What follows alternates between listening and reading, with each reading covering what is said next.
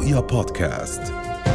أهلا وسهلا بكم مستمعينا في نشرة الأخبار لهذا اليوم. السابعة والنصف مساء في عمان نشرة الأخبار من رؤيا وإلى أبرز العناوين. صمت دولي أكثر من 17 مجزرة خلال 24 ساعة ترفع حصيلة العدوان إلى 20 ألف شهيد. شروط القسام المقاومة تدك مدنا محتلة وتشترط وقف إطلاق النار لقبول هدنة جديدة. سلاح التجويع. المرصد الأورو متوسطي ثلثاء الغزيين يعانون من مستويات جوع حادة. البنك الدولي مسار الأردن الاقتصادي يظهر قدرته على مواجهة التحديات. ردع حدودي الجيش العربي ينجز عملية عسكرية ضد ميليشيات داخل الحدود السورية. أهلا بكم في نشرة الأخبار وإلى التفاصيل.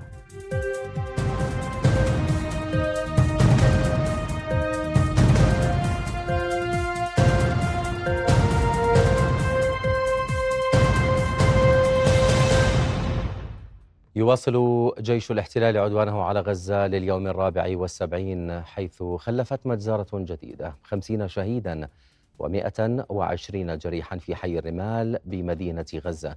وبلغت حصيلة العدوان منذ السابع من أكتوبر الماضي تسعة عشر ألفا وستمائة وسبعة وستين شهيدا واثنين وخمسين ألفا وخمسمائة وستة وثمانين مصابا وفقا لتصريحات الناطق باسم وزارة الصحة في غزة الدكتور أشرف القدري.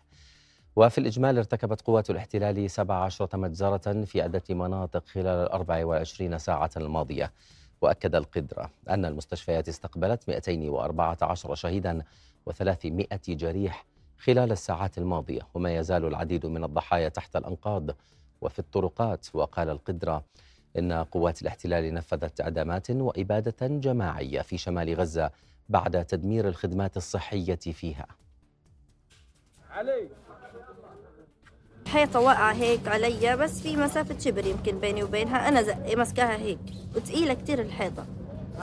بأسر بنادي ناس يا عالم. وعينا اللون السقف فوق راسنا نوعية اللون الشباب إذا طلعونا من تحت الأنقاض استشهدوا عندي أحفادي الاثنين الأميرة عائشة عمرها أسبوعين. اسمها ما تسجل في المخيط ما معها شهادة ميلاد. أكد رئيس كيان الاحتلال الإسرائيلي إسحاق هرتسوغ استعداد تل أبيب لهدنة إنسانية أخرى في غزة بهدف الإفراج عن الأسرى الإسرائيليين. جاء ذلك بالتزامن مع قصف المقاومة لتل أبيب والرملة ويافا المحتلة بالصواريخ ردا على المجازر الصهيونية بحق المدنيين. ميدانيا أعلنت سرايا القدس الذراع العسكرية لحركة الجهاد الإسلامي سقوط سبعة جنود ما بين قتيل وجريح بعد اشتباكات وصفتها بالضارية في حي الشجاعية شرقي غزة. كتائب القسام بدورها أعلنت أن عناصرها اشتبكوا مع قوة خاصة تابعة لجيش الاحتلال قوامها 12 جنديا بالأسلحة الرشاشة. واستهدفت المقاومة القوة بقذيفة مضادة للأفراد وأوقعتهم جميعا بين قتيل وجريح بينما كانوا يحاولون إنقاذ جنود محاصرين. وأشارت القسام إلى استهداف آلية تابعة لجيش الاحتلال بقذيفة الياسين 105 وجرافة بشكل مباشر مع تأكيد مقتل سائقها. ووفق الإعلام العبري قتل تسعة ضباط وجنود بينهم أربعة من قوة النخبة خلال الساعات الأربع والعشرين الماضية. قالت مراسلة رؤيا إن جيش الاحتلال الإسرائيلي استهدف محيط عيت الشعب والناقورة جنوب لبنان. وأضافت أن طيران الاستطلاع التابع للاحتلال الإسرائيلي يحلق منذ صباح اليوم فوق قرى القطاعين الغربي والأوسط وصولا إلى مشارف مدينة صور وفوق مجرى نهر الليطاني. وأشارت إلى أن جيش الاحتلال أطلق رشقات نارية على المنازل في بلدة العباسية دون وقوع إصابات.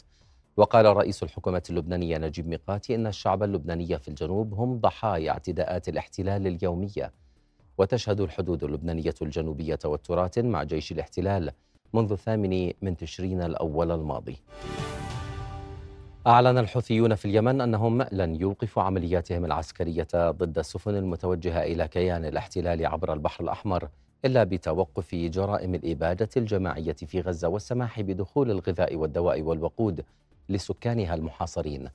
جاء ذلك عقب إعلان الولايات المتحدة تشكيل تحالف دولي للتصدي لهجمات الحوثيين في البحر الأحمر تحت مسمى المبادرة الأمنية متعددة الجنسيات.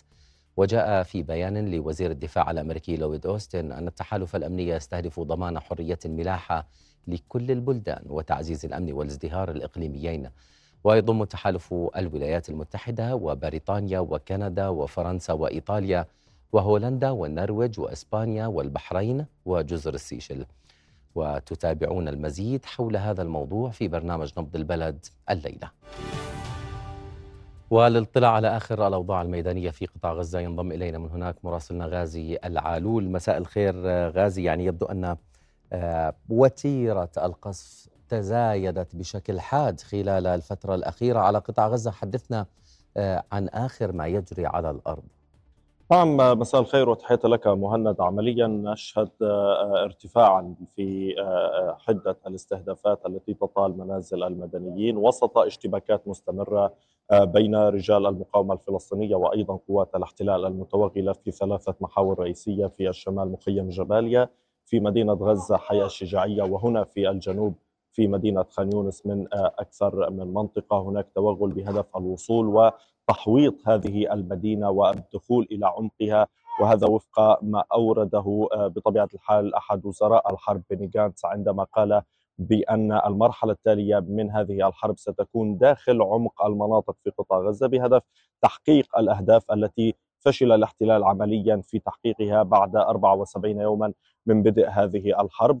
هذا كله يتزامن مع استمرار تصدي المقاومة الفلسطينية في المحاور جمعاء آه، لهذه الآليات المتقدمة وأيضا قوات الاحتلال المتوغلة واستهدافها أنجم آه، أو نتج عنه اليوم آه، مقتل ثلاثة من جنود الاحتلال بينهم ضابط في لواء جولاني وهذا أيضا يضاف إلى تسعة آخرين كانوا قد قتلوا بالأمس في عمليات نوعية وكمائن ومصائد الموت من المقاومة الفلسطينية بطبيعة الحال.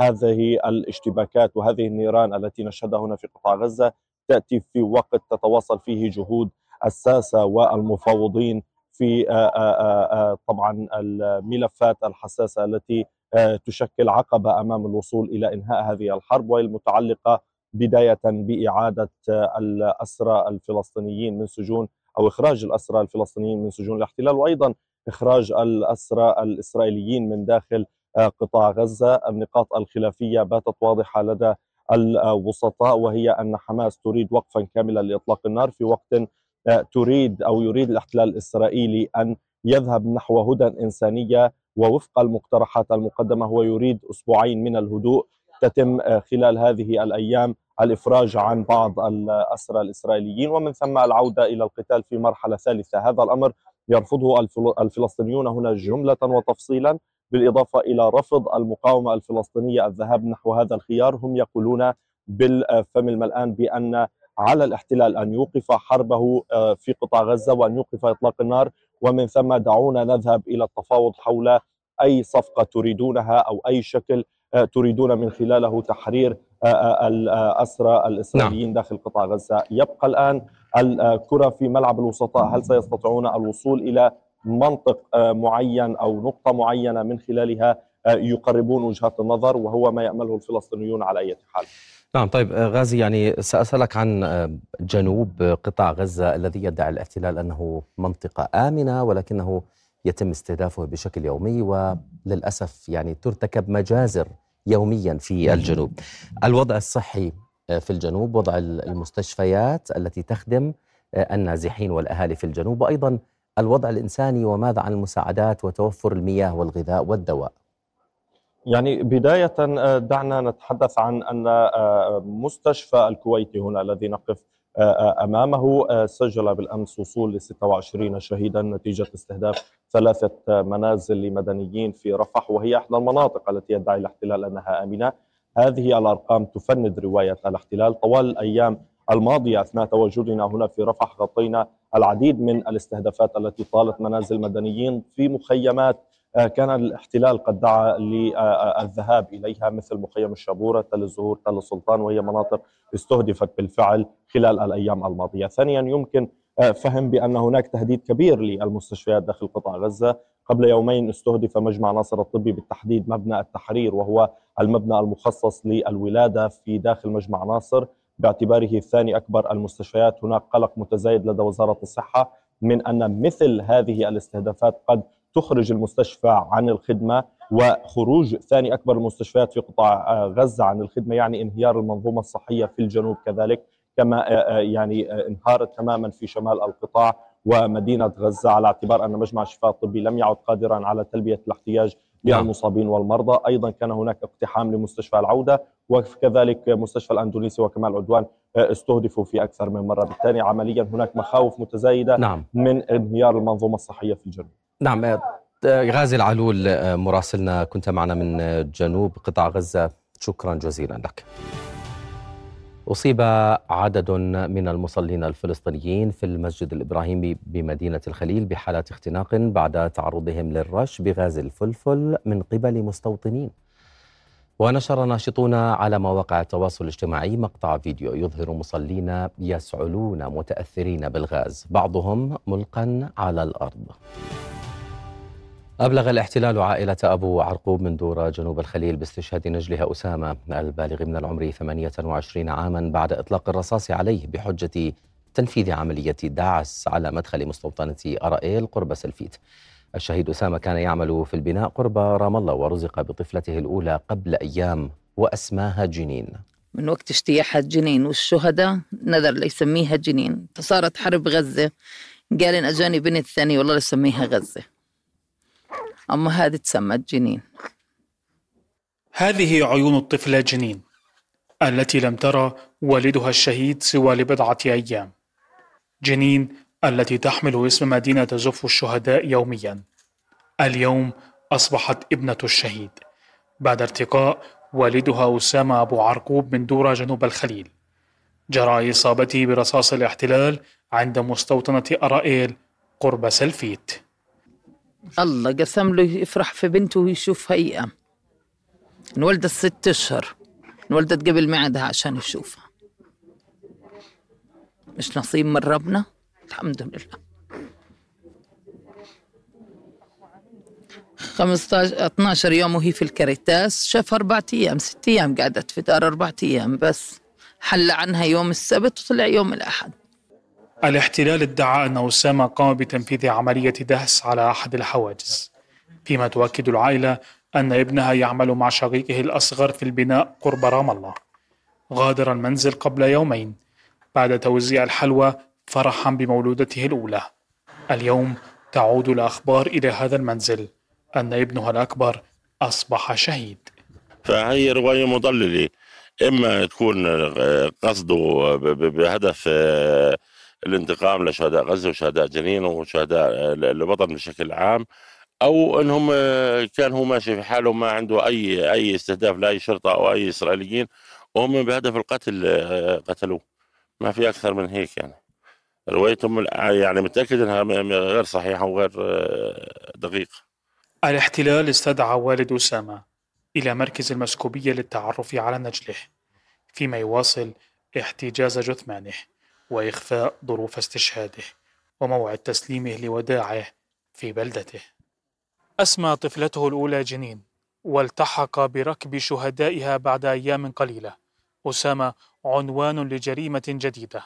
الاحتلال يواصل كتابة مزيد من الجرائم بحق الفلسطينيين في كل مكان. من مدينة دورة جنوب الخليل محمد العدم رؤية والآن ينضم إلينا مراسلنا في فلسطين المحتلة حافظ أبو صبرة. مساء الخير حافظ. يعني آخر التطورات في الضفة الغربية وآخر حلقة في سلسلة اعتداءات وحملة إسرائيل على الأهل في الضفة الغربية. نعم مهند منذ قليل أعلن في مخيم جنين عن ارتقاء المسنة رحاب أبو عليا هذه المسنة التي أصيبت بشظايا صاروخ أطلق قرب مركبة إسعاف نهاية آه، أو في آخر أيام الاجتياح الذي كان يستهدف مخيم جنين الخميس الماضي. وكانت عائدة من رحلة علاج في السرطان في مستشفيات مدينة جنين إلى داخل المخيم. آه، ارتقت لتكون الشهيدة الثانية عشر في آه، هذه المجزرة التي نفذها الاحتلال خلال اجتياح اجتياحه للمخيم الذي يأتي في سياق عملياته العسكرية المستمرة في شمال الضفة الغربية وبمدى أوسع في مناطق الضفة الغربية ككل والقدس المحتلة. آه، آه، قبل قليل أبلغت مصادر محلية في جنوب الخليل عن إطلاق قوات الاحتلال الرصاص على سيارة فلسطينية بشكل تحذيري صوب المركبة، رصاصات أصابت المركبة لكنها لم تصب اي من آه، المواطنين الذين كانوا داخل المركبة، هذا يأتي في في سياق استمرار عمليات الإعدام الميدانية التي تنفذها قوات الاحتلال بحق المواطنين الفلسطينيين واستسهال جنود الاحتلال إطلاق الرصاص صوب كل ما يتحرك على الأرض من ضمن آه، تعليمات إطلاق النار التي استحدثت مع السابع من أكتوبر من خلال إعلان حالة الحرب وحالة الطوارئ. بكل الأحوال اليوم حتى صبيحة هذا اليوم وضمن حملة الاعتقالات المستمرة في عموم أرجاء الضفة الغربية كان هناك 30 حالة اعتقال من مدن آه، جنين قلقيلية رام الله وأريحة وسلفيت ومداهمات الاحتلال آه، يعني وصلت إلى مدن آه، قلقيلية في حي كفار سابا في نابلس كان هناك مداهمات في أكثر من موقع فيما الأبرز هو عملية تفجير منزل عائلة الأسير أسامة بني فضل المتهم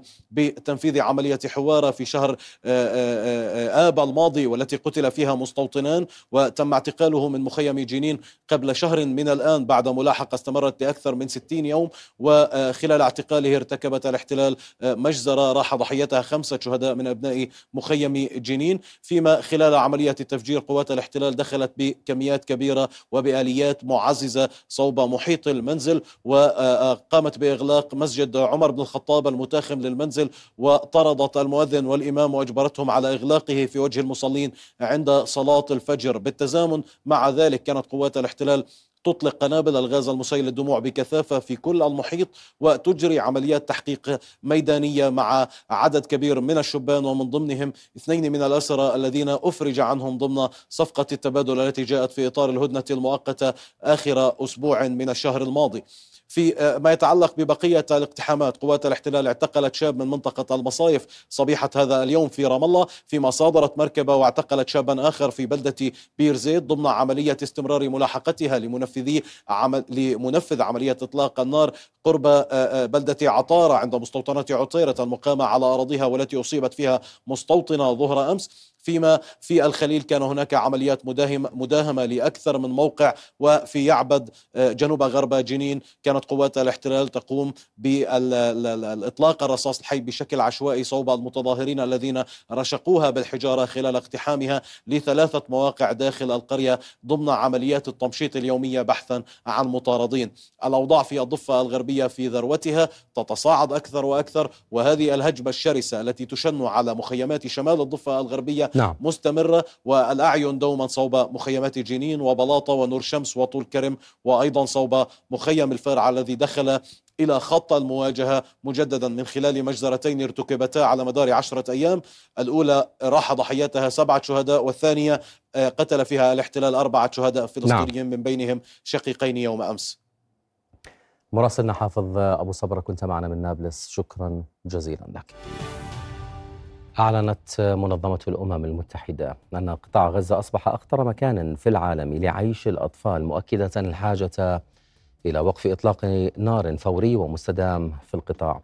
وأضافت الأمم المتحدة عبر موقعها الرسمي أن نحو مليون طفل في قطاع غزة هجروا من منازلهم وتشتتت عائلاتهم بسبب عدوان الاحتلال الإسرائيلي المستمر على القطاع منذ 74 يوما. وكان الناطق باسم اليونيسف جيمس إلدر وصف غزة بأنها أخطر مكان في العالم للأطفال وذلك بعد عودته من الأراضي الفلسطينية معربا خلال مؤتمر صحفي عقد في جنيف عن غضبه مما وصفه باللامبالاة الذين يتولون زمام السلطة بالكوابيس الإنسانية التي يعاني منها مليون طفل I'm furious. I'm furious that those with power shrug as the humanitarian nightmares un- unleashed on a million children. I'm furious that children who are recovering from amputations in hospitals are then killed in those hospitals. I'm furious that there are more children hiding as we speak somewhere um, who will no doubt be hit and have amputations in the coming days. Um, I'm furious that of all the senseless attacks, the only admittance of dumb is the use of dumb bombs. Uh, I'm furious that disease is as well armed as the warring parties, but no, it gets absolutely no attention. Uh, Lisa, I'm furious that Christmas is likely going to bring increased savagery in attacks as the world is distracted with its own, you know, love and goodwill. I'm furious that now we're at five, six, seven thousand children killed, and they're becoming statistics and not and, and not stories. Um, I'm furious that the you know hypocrisy is crushing empathy, and yeah, to, to a degree, I'm furious at myself for not being able to do more. كشف المرصد الأورو متوسطي لحقوق الإنسان أن أكثر من 71% من عينة دراسة أجراها في قطاع غزة. أفادوا بأنهم يعانون من مستويات حادة من الجوع في ظل استخدام الاحتلال التجويع سلاحا لمعاقبة الغزيين. وأظهرت نتائج الدراسة أن 98% من المستطلعات آراؤهم قالوا إنهم يعانون من عدم كفاية استهلاك الغذاء فيما أفاد نحو 64 منهم بالمئة منهم بأنهم يتناولون الحشائش والثمار والطعام غير الناضج والمواد منتهية الصلاحية لسد الجوع. كأن القضبان قضاء هذا الشعب. أن ينتظر خلفها الحرية أو حصة من طعام طوابير الحرب. ألبسوا غزة هذا الوجه. إلا أن أحرار العالم يعرفون نور وجهها الحقيقي. غزة التي لم تمد يدها يوما إلا لتعطي. جائعا يطعم الجميع. هكذا ربته غزة أن يأكل بعد أن يهدأ الجوع في بطون الآخرين. منذ بدء الهجوم النازي البلبلي المسعور ضد أهلنا في قطاع غزة قمنا بافتتاح عدة تكيات في مناطق مختلفة باستقبال إخواننا النازحين الذين نزحوا بعشرات الآلاف إلى قطاع غزة بتقديم ما نستطيع أن نقدمه من طعام لهؤلاء النازحين الذين أتوا بدون مأوى بدون طعام بدون شراب. الإقبال كبير جدا حيث لا يجد الناس طعام. ما في لا طحين ولا خبز ولا مية ولا طبايخ ولا أي شيء من قوة الحياة. منع اليهود كل شيء. أما وسط جوعه يذكرنا أن النصر هو الحليف الأكيد وأن هذه ليست غزة إنما لكل جواد كبوة قميص وردي وسوار وجوع وعيون ساهمة التعب. تفكر من ذا يفك الحصار وتعود الأيادي تجيد اللعب. أعز خلق الله هؤلاء وأكثرهم كبرياء أصيلا وإن خوت بطونهم فلديهم من الكرامة ما يشبعنا جميعا. ستنتهي الحرب وستعود غزة كما عرفناها غنية عن السؤال عصية على الوصول شامخة عن الطلب وإنما الأيام دول ونوائب الدنيا تدور. من رام الله المحتله أسيل سليمان رؤيا. رصد مراسل رؤيا في قطاع غزة وتحديدا في مدينة رفح مشهدا بات مألوفا إذ أصبح أطفال غزة باعة متجولين يحملون الحلوى وما تيسر لهم بهدف مساعدة ذويهم. السائر في طرقات رفح هنا هذه المحافظة التي باتت تشهد ازدحاما بالمواطنين والسكان.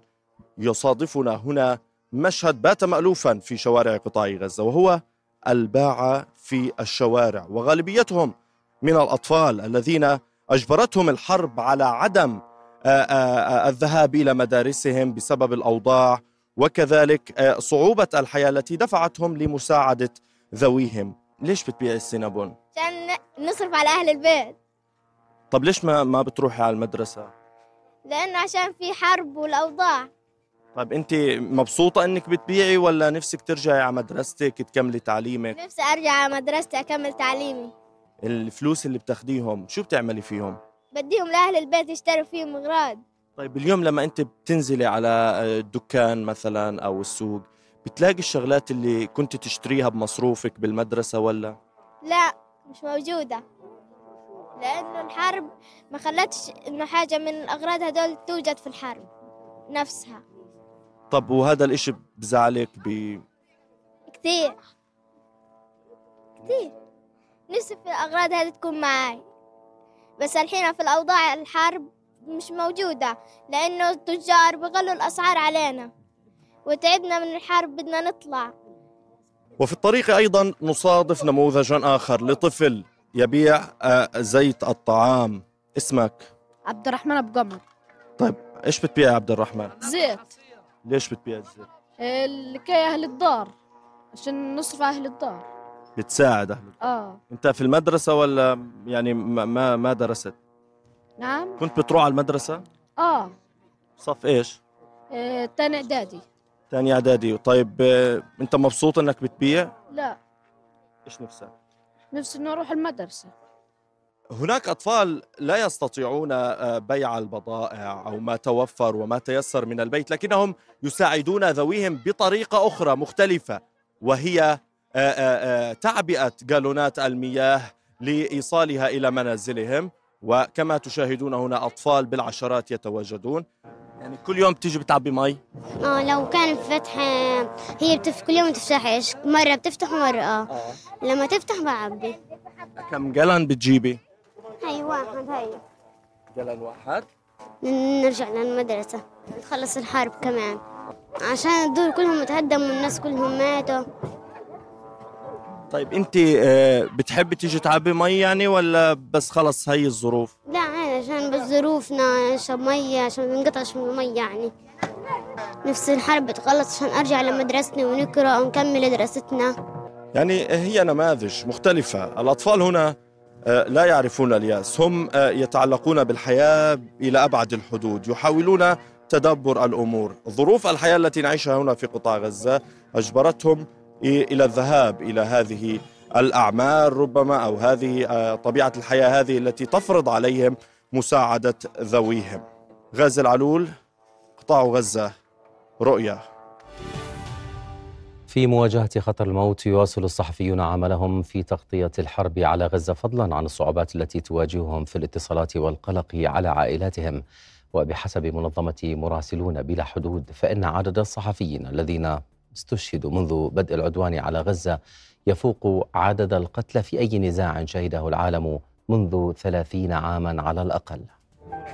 الصحفي الفلسطيني في هذه الحرب دفع ثمنا باهظا جدا جدا جدا من أهله وأقاربه آه، أكثر من سبعين من الصحفيين الفلسطينيين استشهدوا بعض الأسر استهدفت كما حصل مع أسرتي بطبيعة الحال في المكان الآمن الذي قال عنه جيش الاحتلال الإسرائيلي بأنه آمن. الصحفي الفلسطيني في هذه الحرب وجد نفسه في أتون المعركة مرغما لا راغبا وبالتالي آه، يعني بات يدفع ثمنا باهظا كما أي مواطن فلسطيني عادي بات يخشى على نفسه على حياته على عمله ويخشى أيضا على أسرته وأحبابه وأقاربه.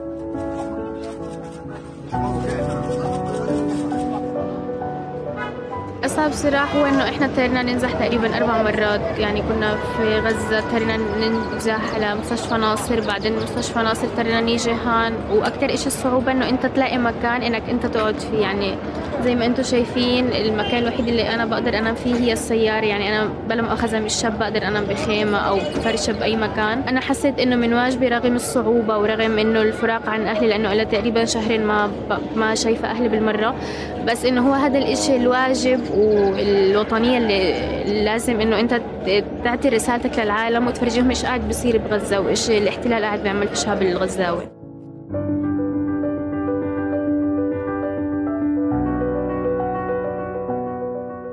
واجهنا صعوبة كبيرة بأنه إحنا بنتنقل من مكان إلى آخر ومعنا عوائلنا. يعني أنا موجود الآن في المستشفى الكويتي بأدي عملي الصحفي ونقل الأخبار. معايا عائلتي موجودة بخيمة نازحة يعني زيها زي باقي آلاف العوائل التي نزحت من الشمال القطاع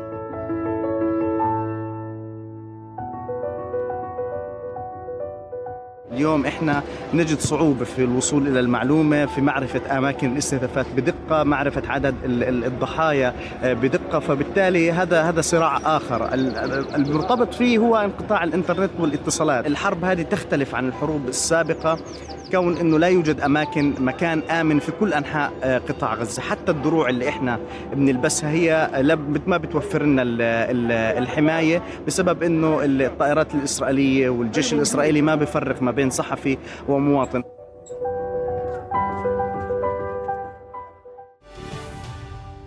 نشرتنا مستمرة ونتابع فيها بعد الفاصل أخبار الاقتصاد.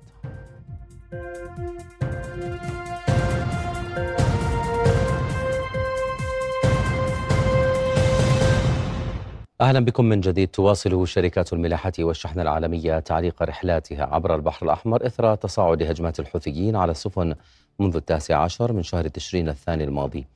ويتصل البحر الأحمر بالبحر المتوسط عن طريق قناة السويس مما يشكل أقصر طريق ملاحي بين أوروبا وآسيا ويتصل بخليج عدن عن طريق مضيق باب المندب بين اليمن وجيبوتي ويمر حوالي 12% من حركة الشحن العالمية عبر قناة السويس. وعلقت 11 شركة رحلاتها إلى المنطقة عبر البحر الأحمر خصوصا شركات ناقلات النفط لحين ضمان سلامة العبور من قناة السويس والبحر الأحمر فضلا عن سفن تحمل غازا طبيعيا. فيما قررت شركات التحول إلى منطقة رأس الرجاء الصالح مما يزيد من الرسوم التي يتعين على العملاء دفعها مقابل نقل الخام. كما سيزيد زمن الرحلات من أسبوع إلى أسبوعين. وأطلقت الولايات المتحدة اليوم عملية أمنية متعددة الجنسيات لتأمين التجارة في البحر الأحمر في ظل المخاوف بشأن حدوث تأثير سلبي مستمر على الاقتصاد العالمي. أكد البنك الدولي أن المسار الاقتصادي للأردن يظهر قدرته على الصمود في وجه التحديات العالمية والمحلية مستشهدا بنسبة النمو الاقتصادي البالغة 2.17%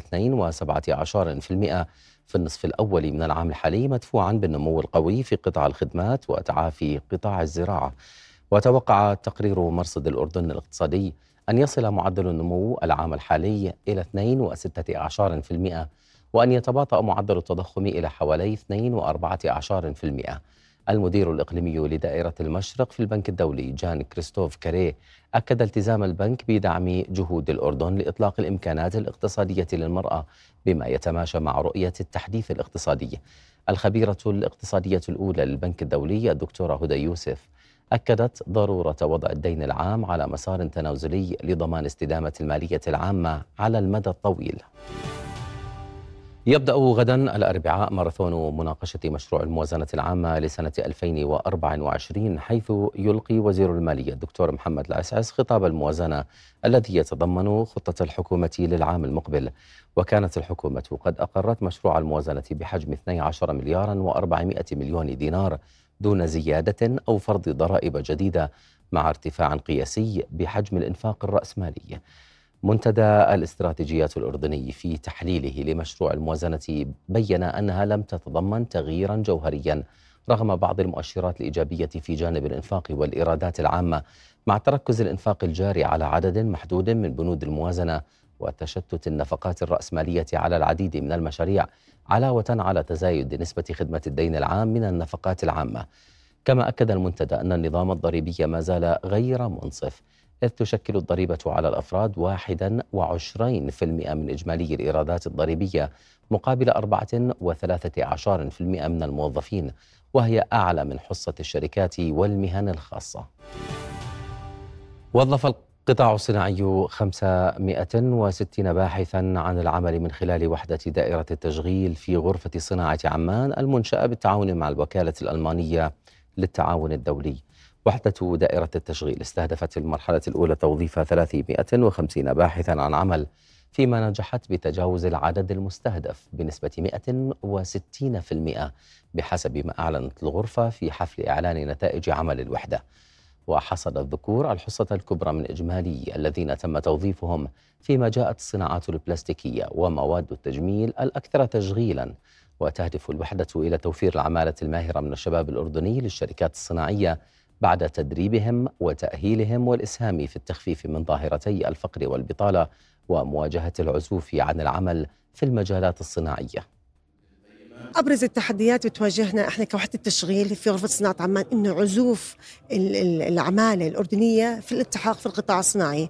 آه، يبدو إنه ما عندهم أي فكرة عن القطاع الصناعي. هلأ إحنا بنحاول إنه نعمل إرشاد مهني لهم. نحكي لهم عن أهم الميزات. والميزات وال- وال- وال incentive اللي بتكون بالقطاع الصناعي. فبنحاول نعمل onboarding orientation لهم حتى نزيد نسبة العمالة في المصانع. المرحلة الأولى من هذا المشروع لمدة عام كانت 560 شاب وشابة. بشكل الذكور منهم نسبة 70% و30% إناث بشراكة كاملة وحقيقية ما بين غرفة صناعة عمان ومؤسسة التدريب المهني المنتشرة في جميع أنحاء الم- المملكة لأنه إحنا كنا نأهل هذول الشباب بسواء كانت المهارات المهنية والتقنية ال technical skills أو كانت المهارات الحياتية ال soft skills لأنه يعني بشراكتنا مع غرفة الصناعة وجدنا واحد من أهم التحديات اللي بتواجهها اليوم المصانع هو صراحة نسبة آه، الاستقالات العالية ال turnover العالي عند المصانع. شبابنا وشاباتنا بيشتغلوا لمدة شهر شهرين ومن ثم بيقدم استقالته. كان هذا آه، سببه أولا أنه في مهارات soft skills لازم تكون موجودة عندهم أولا. وثانيا لازم يكون في نوع من الإرشاد المهني لطبيعة وبيئة عمل آه، المصانع والشركات حتى يكونوا مدركين للمراحل والخطة تبعتهم والكارير باث اللي راح يكون في المستقبل. استكملت اللجنة المالية النيابية برئاسة النائب الدكتور نمر السليحات مناقشة استيضاحات ديوان المحاسبة المتعلقة بعدد من البلديات. أمين عام وزارة الإدارة المحلية للشؤون الإدارية والمالية الدكتور نضال أبو عرابي أوضح أن اللجنة قدمت بعض الملاحظات ذات الصلة بالأمور الإجرائية وأخرى تتطلب إعادتها إلى هيئة النزاهة ومكافحة الفساد للتحقيق فيها مشيرا إلى أنه تم خفض القضايا المحولة إلى الفساد من 110 قضايا إلى 55 وأضاف أن الوزارة تعمل بالتعاون مع اللجنة المالية النيابية وديوان المحاسبة على اتخاذ الإجراءات اللازمة لمعالجة القضايا المتعلقة في مخالفات موظفين سابقين لا يمكن محاسبتهم أو عمل أي إجراء ضدهم. بدورهم أكد النواب على أهمية المحافظة على المال العام ووقف أي هدر أو تجاوز مالي خاصة البلديات التي تعاني موازناتها من العجز. لضمان سلامة اسطوانات الغاز في ظل الطلب المتزايد. أدخلت شركة مصفاة البترول وحدات جديدة لغسيل وتنظيف وتعقيم الاسطوانات في محطات التعبئة الثلاثة التابعة للشركة بطاقة إنتاجية تصل إلى 2800 اسطوانة في الساعة.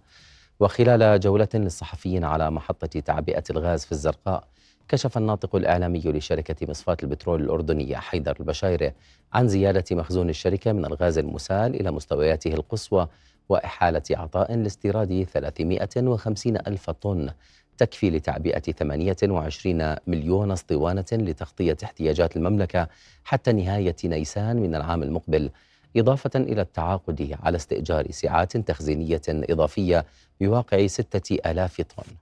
تم تدشين أربع ماكينات لتنظيف وتعقيم اسطوانات الغاز اثنتين بمحطة غاز عمان ومحطة وواحدة بمحطة غاز الموقع وواحدة بمحطة غاز صلاح الدين. أي اسطوانة ممكن إعادة تأهيلها بتم آه، آه، من خلال هاي الورشة. وشاهد الأخوة الصحفيين اليوم آلية إعادة التأهيل بدءا من ضغط الاسطوانة وتنظيفها من الداخل بالبخار. وبعد ما ذلك بتم آه، إذا كان بحاجة الاسطوانات يعني كل اسطوانة بتمر على آه، اللي هي تعديل أو إصلاح الواقي تبع الصمام للاسطوانة زائد القاعدة الاسطوانة. آه، والمرحلة الثالثة اللي هي بتصير مشان قذف الاسطوانة لتنظيف جسم الاسطوانة من الخارج آه، بالحبيبات المعدنية. ومن ثم دهان الاسطوانة ووضع الصمام عليها والوزن الأسطوانة الفارغ قديش. نشرتنا مستمرة لكن بعد الفاصل.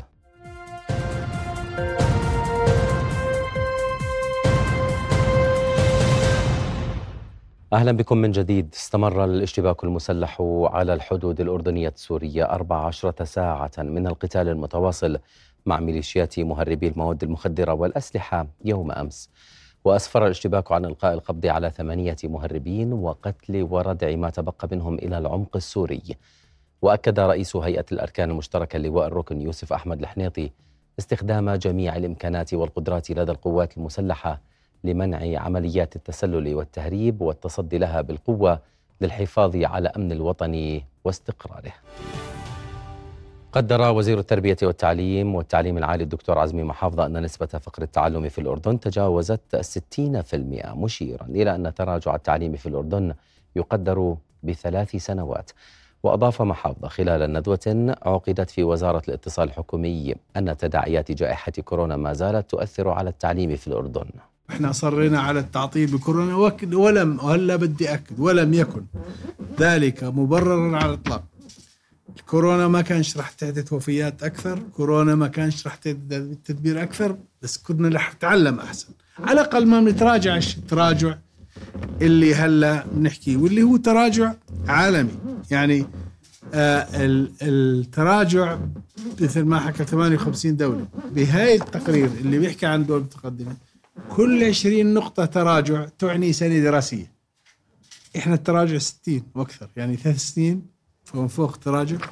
هم بعزولة كورونا بس هو في أسباب أخرى. حتى يكون واضح كورونا ليست السبب الوحيد. في أسباب أخرى. إحنا قلنا في أصلا قاعدة من فقر التعلم وجت علينا كورونا بعد. ولذلك إحنا اضطرينا لاتخاذ إجراءات لخطة علاجية تدخل بنسميها تدخلات علاجية اللي ماشي بندرس من سنة يعني تقريبا. لأنه عارفين إنه البيزا راح يكون هيك يعني إجراءات لعلاج المشكلة. فاذا يعني كورونا دمرت التعليم. كشف نائب رئيس الوزراء للشؤون الاقتصادية وزير الدولة لتحديث القطاع العام ناصر الشريدي عن تشكيل لجنة حكومية لتوزيع موظفي ديوان الخدمة على المؤسسات والدوائر الحكومية والبالغ عددهم حوالي 400 موظف موزعين على مؤسسات حكومية ووزارات. وأضاف الشريدي خلال اجتماع اللجنة الإدارية النيابية أن اللجنة ستضم رئيس ديوان الخدمة المدنية ومدير عام الموازنة. راح يتم تشكيل لجنة وزارية تقيم وضع الكوادر 400 420 موظف موجودين في ديوان الخدمة المدنية. رئيس الديوان ومدير عام الموازنة راح يكونوا ضمن هذه اللجنة. حتى يتم تحديد من سيبقى. أقدم شخص على الاعتداء على أكثر من 380 شاهد قبر وخزانات مياه في المقبرة الجديدة بمحافظة المفرق. وأفاد مسؤول المقبرة فادي الزيادني أنه جرى إبلاغ الأجهزة الأمنية عن حادثة الاعتداء وأفاد مراسل رؤية بأن عددا من المواطنين في مدينة المفرق عملوا على إصلاح ما يقارب 50% من شواهد المقبرة وخزانات وخطوط المياه فيها. كان عندنا حالة دفن لطفل صغير على الساعة واحدة ونص بالليل. يعني الشباب ما انتبهت. مقبره ما شاء الله 50 دنم دفنوا الطفل في صوت مي يعني لفت انتباه الحارس. بقول رحت شوف خزانات المي وإنه الشواهد كلها هي مكسرة. الشواهد كلها هي مكسرة. يعني اللي خاش على المقبرة متسلي في المقبرة مكسر فوق ال 380 شاهد تسع خزانات مي وخط المي الرئيسي. روحت على البيت على الساعة 11 ونص. فبرن تليفوني بحاله وفاة بدي أدفنها. فبرجع المقبرة بطلع على الشواهد وانها مكسرة. في صوت مي خزانات المي مكسرة مخزقات تسع خزانات. بعد بالشواهد لهم 380 شاهد. أعلن مركز حماية وحرية الصحفيين أنه منذ بدء العدوان على قطاع غزة اعتقلت قوة الاحتلال الإسرائيلي 46 صحفيا وصحفية وأن أكثر الصحفيين موقوفون إداريا. مشيرا إلى أن سلطات الاحتلال أطلقت سراح 14 صحفيا وصحفية وبقي 32 رهن الاعتقال. وبالتزامن مع مطالبة مركز حماية وحرية الصحفيين سلطات الاحتلال بالإفراج الفوري عن كل الصحفيين المحتجزين نظم الطلبة والهيئة التدريسية في جامعة اليرموك وقفة تندد باغتيال سلطات الاحتلال 93 صحفيا حتى اليوم داعين المؤسسات الأممية والدولية إلى تكثيف جهودها والضغط على سلطات الاحتلال لإطلاق سراح الصحفيين والصحفيات وضمان سلامتهم. الاعتداء على الإعلاميين والصحفيين وقد بلغ عدد الشهداء لغاية هذا اليوم 93 صحفيا وكلية الإعلام إذ تؤكد يعني على مواقفها الثابتة دائما في الوقوف إلى جانب الإعلاميين في الأردن وفي العالم العربي وفي كل مكان. وأيضا يعني تقف خلف الرؤى الملكية للإعلام وخلف موقف القيادة الأردنية من فلسطين ومن إخواننا في غزة. نهاية هذه النشرة في أمان الله.